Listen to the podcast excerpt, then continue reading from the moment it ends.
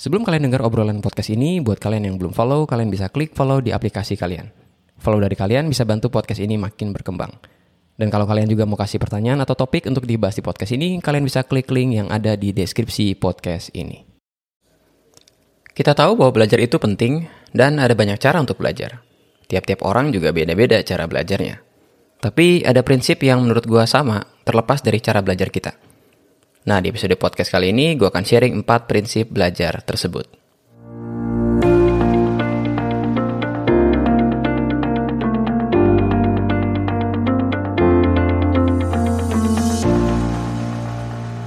Halo semua, kembali lagi di podcast Pak Kris dan buat kalian yang baru pertama kali dengar, podcast ini adalah tentang pendidikan, karir, dan pengembangan diri. Nah, podcast ini dibawakan oleh gue sendiri, Pak Kris, dan gue berprofesi sehari-hari sebagai dosen di Teknik Mekatronika Fakultas Teknologi Industri Universitas Katolik Parahyangan di Kota Bandung. Nah, di tahun 2022 ini, di season 2 dari podcast ini, akan ada tema bulanan. Dan kebetulan bulan Maret ini kita akan ngobrolin tentang pendidikan dan belajar. Nah, tentang belajar nih, pada bulan April dan Mei, ini ada pengumuman dulu ya di awal podcast ini. Di bulan April dan Mei yang akan datang, gue membuka kelas Time Management dan Habit Forming – Kelasnya bukan berbasis webinar, jadi gue merancang kelasnya itu action base. Ada lembar kerja yang harus dikerjakan. Kemudian kalau kalian sign up, kalian akan diberi waktu untuk mengaplikasikan knowledge yang ada di kelas tersebut. Lalu kalian akan gue latih juga secara langsung, jadi ada sesi personalnya. Dan gue akan kasih masukan sepanjang satu bulan itu. Kalau kalian sign up di kelas tersebut. Yes, kelasnya lama loh, satu bulan. Karena kelasnya itu berbasis skill, yaitu gimana skill ngatur waktu dan membentuk kebiasaan yang baik. Kalau menurut gue, skill itu harus dilatih, nggak cuma duduk diam dengar aja. Harus diulang dan harus ada seorang coach yang bantu kalian. So, let me coach you dengan cara kalian mendaftar di kelas ini. Cara daftarnya ada di link di Instagram gue, di bio-nya. Atau kalian bisa klik link yang ada di, di, di deskripsi podcast ini. Oh ya, kelasnya juga dibatasi hanya untuk 15 orang supaya lebih efektif.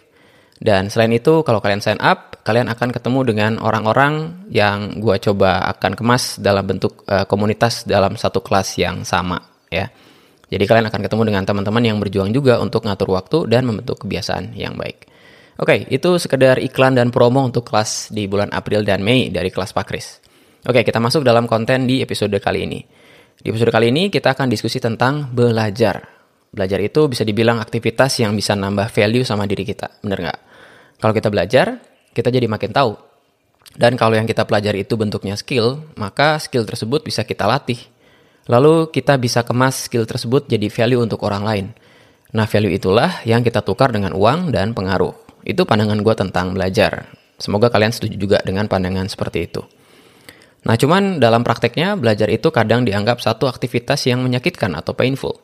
Banyak sebabnya. Bisa karena kita nggak suka dengan apa yang kita pelajari, bisa juga karena kita malas yang sebetulnya berakar dari ketidaktahuan kita tentang manfaat dari belajar itu sendiri. Alasan-alasan itu pernah gue alami, terutama ketika gue SMP dan ya SMA ya, dan awal-awal kuliah.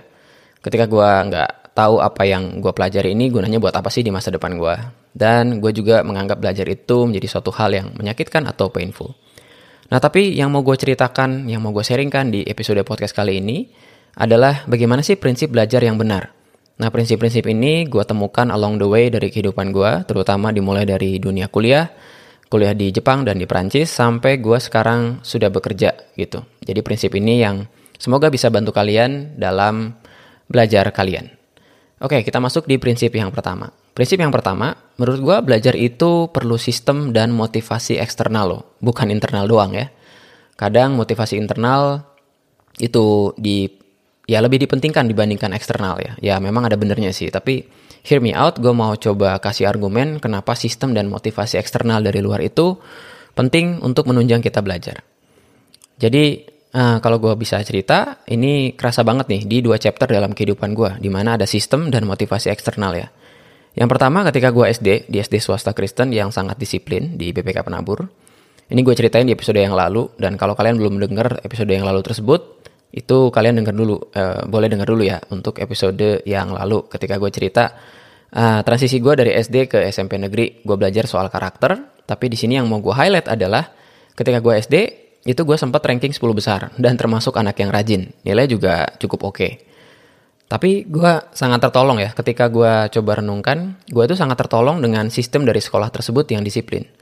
Jadi bisa dibilang gue itu rajin belajar karena sistem. Dan mostly, mostly ya ketika gue pikir sekarang, sebenarnya gue belajar karena takut dihukum. Ya karena e, disiplinnya tinggi untuk sekolah. Kalau ya kalau kalian sekolah di sekolah swasta ya yang memang notabene disiplinnya tuh jauh lebih tinggi gitu. Dan singkat gue tuh gue cuma sekali dihukum karena nggak buat PR itu pun karena PR-nya ketinggalan, bukan karena gue nggak ngerjain ya. Jadi PR-nya ketinggalan, akhirnya gue dihukum. Jadi itu yang gue rasain dari suatu sistem dan motivasi eksternal, karena gue takut dihukum. Ya nggak bener sih, ya, tapi ya itu membantu gue juga untuk belajar. Nah, e, hal yang kedua adalah ketika gue, e, pengalaman yang kedua ya maksud gue ya, pengalaman kedua adalah ketika gue kuliah master di Jepang. Nah, kisah ini juga pernah gue ceritakan di salah satu episode podcast season 1 yang lalu. Di Jepang gue sangat tertolong oleh sistem yang sangat disiplin juga. Orang-orangnya juga disiplin. Jadi gue harus show up di kampus every single day. Bahkan kadang weekend juga gue datang ke kampus.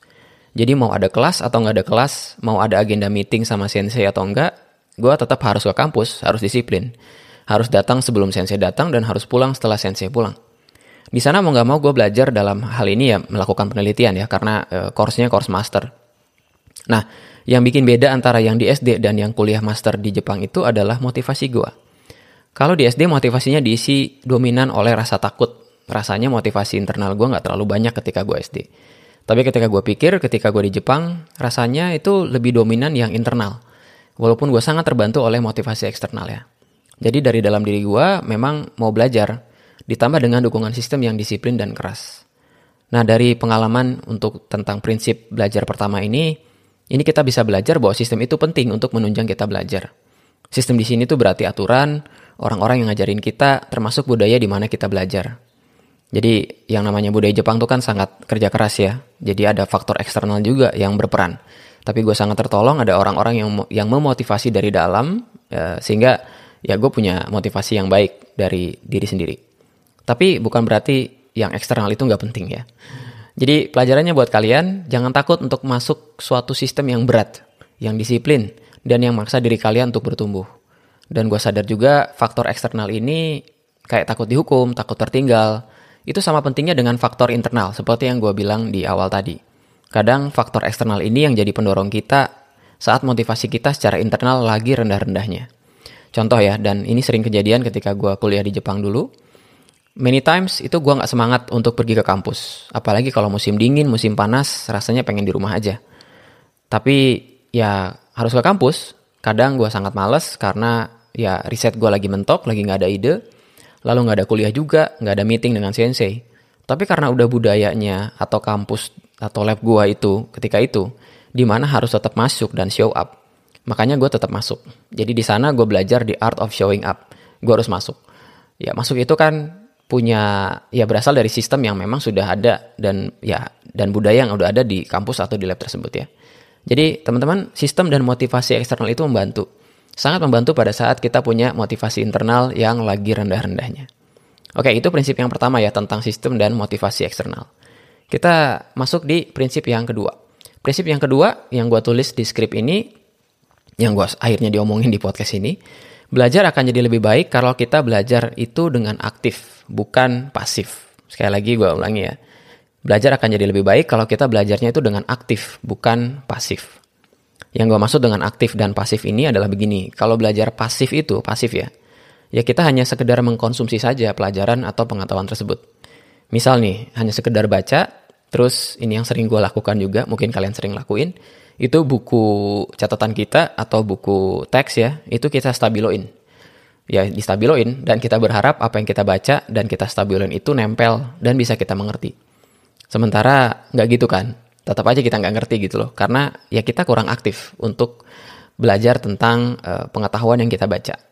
Nah, sebaliknya, belajar aktif itu adalah belajar yang bikin gue paham kenapa kalau gue itu lebih mengerti kalau pelajaran di sekolah atau di kuliah itu kalau PR-nya banyak. Jadi gue inget pelajaran fisika SMA yang PR-nya banyak banget, tapi karena PR-nya banyak banget, gue jadi makin ngerti tentang pelajarannya. Kemudian tuh pelajaran jadi gue suka karena PR-nya banyak. Alhasil ya gue milih fisika ketika gue kuliah. Jadi apa sih yang dimaksud dengan belajar aktif? Belajar aktif itu adalah kita melakukan sesuatu dengan apa yang kita tahu. Kita nggak cuma sekedar baca, nggak cuma sekedar dengar. Jadi belajarlah dengan aktif teman-teman. Jangan cuma pasif ketika mengkonsumsi sesuatu. Dalam hal ini pengetahuan atau skill. Contoh ya, webinar atau seminar. Itu tiap gue bawain webinar atau seminar, satu jam sampai satu jam setengah. Itu gue jarang banget ngeliat orang yang ada di Zoom meeting itu sambil nyatet. Ya mereka nunjukin tanda kalau mereka ngerti dengan ngangguk-ngangguk gitu kan. Tapi ya pasif cuman sambil uh, mungkin sambil ngelakuin aktivitas lain. Kemudian mereka ngangguk-ngangguk sambil tangannya tangannya dilipat di dada gitu kan. Dan juga nggak dicatat.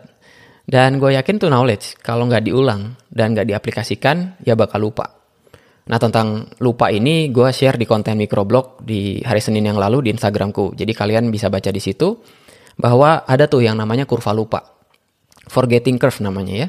Intinya kalau kita nggak mengulang apa yang kita pelajari, kita doing nothing dengan apa yang kita pelajari, dalam hal ini misalnya latihan soal, ujian, dan sebagainya, ya kita akan cepat lupa. Nah itu poin kedua ya guys, tentang belajar aktif. Prinsip yang ketiga adalah belajar dalam komunitas. So gue mau bilang bahwa peer pressure is real teman-teman. Kalau komunitas kita menunjang nih, komunitas di sini adalah a fellow learner atau teman-teman yang sama-sama belajar, Nah kalau mereka menunjang, ngajak kita belajar, dan setiap kali kita ketemu mereka, mereka lagi baca sesuatu atau belajar sesuatu, maka kita akan lebih nyaman atau lebih semangat untuk belajar. Tapi sebaliknya juga benar, kalau peer pressure ini, kalau kita hanging out atau hanging around atau hanging out dengan orang-orang yang cenderung nggak suka belajar, ya kita juga nggak suka belajar. Demikian halnya kalau sendirian, bisa aja kita sendirian dalam belajar ya, ikut kelas online, ngerjain sendiri, ya kayak mandiri gitu kan. Tapi um, yang namanya motivasi dari diri sendiri kadang bisa luntur. Jadi harus dibantu oleh teman-teman yang dalam komunitas. Itu yang gue rasakan ketika gue mendapatkan komunitas yang benar ketika SMA dan mereka bisa bantu gue untuk belajar bareng dan akhirnya uh, gue bisa punya kesempatan untuk kuliah di ITB. Jadi sometimes along the way kalau kita belajar sendirian, kemudian kita juga hanging out dengan teman-teman yang gak suka belajar, lama-lama kita jadi nggak suka belajar dan kehilangan semangat, hilang disiplin diri, sampai akhirnya ya berhenti belajarnya. Jadi guys, kalau mau belajar kita maksimal, carilah komunitas di mana kita bisa spend time dengan mereka, kemudian bisa hang out dengan mereka, kita bisa belajar banyak dari mereka, dan bareng mereka juga. Dan kita juga mesti mau belajar. Mau rendah hati untuk di untuk belajar bersama ya, mau, dan mau dikasih feedback sama komunitas pertemanan tersebut. Kemudian yang paling gak enak juga, kadang komunitas yang seperti itu ngasih feedback yang lumayan jujur dan menyakitkan buat kita, ya nggak sih? Ngasih tahu kalau kita salah, kemudian eh, pada saat kita lagi malas-malesan juga diingetin buat belajar. Seolah-olah tuh komunitas kayak gitu nggak betah kalau ngelihat kita santai sedikit. Tapi itu baik buat kita, benar nggak? Segala sesuatu yang menyakitkan, segala sesuatu yang nggak nyaman buat kita, nggak selalu nggak baik loh buat kita, ya kan? Dan komunitas kayak gitu bisa bantu kita untuk belajar lebih optimal. Jadi itu prinsip yang ketiga ya, belajar dalam komunitas. Prinsip yang keempat dan yang terakhir, belajar akan jadi lebih optimal kalau ada orang yang ngajarin kita dengan disiplin. Ya no brainer ya, jelas kalau orang mau belajar harus ada yang ngajarin. Tapi maksud gue orang yang ngajarin kita bukan hanya dari knowledge, tapi dari attitude juga. Attitude di sini adalah disiplin dan kerja keras. Dan gue sangat bersyukur karena gue punya privilege untuk diajar oleh banyak orang hebat. Sensei gue yang di Jepang ngajarin tentang disiplin, kerja keras. Guru fisika SMA gue yang membuat gue suka dengan ilmu fisika tersebut juga ngajarin kita, atau ngajarin gue waktu itu, tentang pentingnya untuk ngerjain tugas, untuk uh, fall in love dengan ilmunya yang kita pelajari. Jadi kita harus cari orang-orang yang mau ngajarin kita. Bukan cuma ngajarin knowledge-nya, tapi juga ngajarin attitude-nya dan juga karakternya. Karena ya truth be told ya yang gue tahu. Kita ini belajar lebih efektif kalau kita melihat seorang model, ya nggak? Kita memodelkan seseorang, kita mencontoh seseorang, seperti yang gue ceritain di episode podcast yang lalu, bahwa karakter itu harus dicontohin, harus dimodelin. Jadi kalau kita bisa nemu orang yang ngajarin kita, kita belajar attitude-nya juga dari dia. Bukan cuma pengetahuan yang dia punya. Nah, kita belajar attitude kalau kita bisa berinteraksi agak lama dengan dia, ngobrol dengan dia, sehingga proses belajar kita juga akan terbantu dia bakal jadi raja tega yang bakal ngasih masukan buat kita. So, kita harus cari guru yang mau ngajarin kita. Dan kitanya juga harus cukup rendah hati untuk mau diajarin. Nggak banyak loh orang yang rendah hati mau diajarin, mau ngaku salah. Gue berharap kita ada atau kita jadi orang-orang kayak gitu ya teman-teman ya. Dan juga kita harus rendah hati kalau mau ditegur juga ya. Kemudian pesan gue buat teman-teman juga di prinsip yang keempat ini, jangan cuma belajar dari orang karena knowledge-nya doang, tapi lihat apa yang dia lakukan dengan dirinya sendiri. Terkadang ini yang menjadi satu hal yang miss ya pada saat kita belajar dari orang lain. Kita cuma lihat apa yang dia tahu, kita cuma lihat uh, gimana prestasi dia. Tapi kalau kita lihat kesehariannya dalam kehidupan dia sehari-hari, kadang mungkin kita jadi nggak kuat gitu loh untuk uh, menjadi seperti dia. Karena orangnya disiplin, kemudian tiap ketemu knowledge mungkin dia catat, kemudian juga dia punya satu sistem yang memaksa dia untuk bisa belajar. Jadi teman-teman kalau belajar dari seseorang, jangan cuma belajar tentang knowledge-nya doang, tapi belajar bagaimana dia menghidupi kehidupannya sehingga dia menjadi seperti sekarang, bisa ngajarin teman-teman juga, ya. Oke, gue ulangi empat prinsip cara belajar ya. Yang pertama, belajar itu harus punya sistem atau kita masuk dalam suatu sistem. Dan ada tekanan secara eksternal, bukan cuma internal. Kedua hal itu, sistem dan tekanan eksternal, itu yang bisa dorong kita terutama pada saat kita kehilangan semangat dari diri kita sendiri. Yang kedua, belajarlah dengan aktif, nggak cuma menyerap informasi secara pasif. Jadi mulai sekarang setiap kalian ketemu dengan knowledge, ikut webinar atau seminar, coba catat Kemudian kalian cari bahan-bahan yang lain, kalian melakukan sesuatu dengan apa yang kalian tahu. Yang ketiga, belajar dalam komunitas dengan orang-orang yang mau belajar juga, sehingga kita juga dipaksa untuk selalu mau belajar. Dan pikiran kita juga terbuka. Yang keempat, eh, diajari dan dilatih oleh orang lain dalam jangka waktu tertentu. Belajar bukan cuma tentang knowledge dari orang tersebut, tapi juga belajar dari attitude-nya dan disiplin yang mereka lakukan terhadap kehidupan mereka pribadi. Nah, kalau kalian perhatikan empat cara belajar ini itu adalah uh, bagian dari empat cara atau metode dari kelas yang gue obrolin, yang gue umumkan di awal podcast ini. Jadi di kelas di bulan April dan Mei mendatang selama satu bulan penuh masing-masing untuk time management class dan juga habit forming class. Jadi di kelas ini kalau kalian sign up itu kalian akan masuk dalam sebuah sistem yang gue Pakris rancang ya. Kalian juga akan dipaksa untuk belajar aktif, untuk ngisi lembar kerja, kemudian kalian akan diberikan waktu satu minggu sampai dua minggu untuk mengaplikasikan pengetahuan yang ada di kelas tersebut. Jadi pada saat kalian mengaplikasikan pengetahuan yang ada di kelas tersebut, gue akan kasih feedback along the way. Kemudian kalian akan punya sesi personal dengan gue, dan let me teach you guys how to manage your time, kemudian bagaimana membangun kebiasaan yang baik. Kalian juga akan jadi komunitas yang selama satu bulan atau dua bulan penuh kalau sign up di kalau kalian sign up di dua kelas ini dan tentunya kalian akan mendapatkan fellow traveler yang sama-sama berjuang untuk ngatur waktu dan membentuk kebiasaan yang baik. Jadi kalian bukan cuma gue ajarin, tapi gue coach juga, sehingga belajarnya lebih optimal. Oke, segitu dulu ya guys. Thank you so much for listening, dan sampai ketemu minggu depan. Kalau kalian dapat value atau manfaat dari podcast ini dan ingin say thank you, kalian bisa support podcast ini dengan mentraktir Pak Kris dengan klik link yang ada di deskripsi podcast ini. Terakhiran kalian akan sangat berarti untuk podcast ini tetap running dan bantu orang-orang untuk stay productive. I'll see you guys later dan stay productive.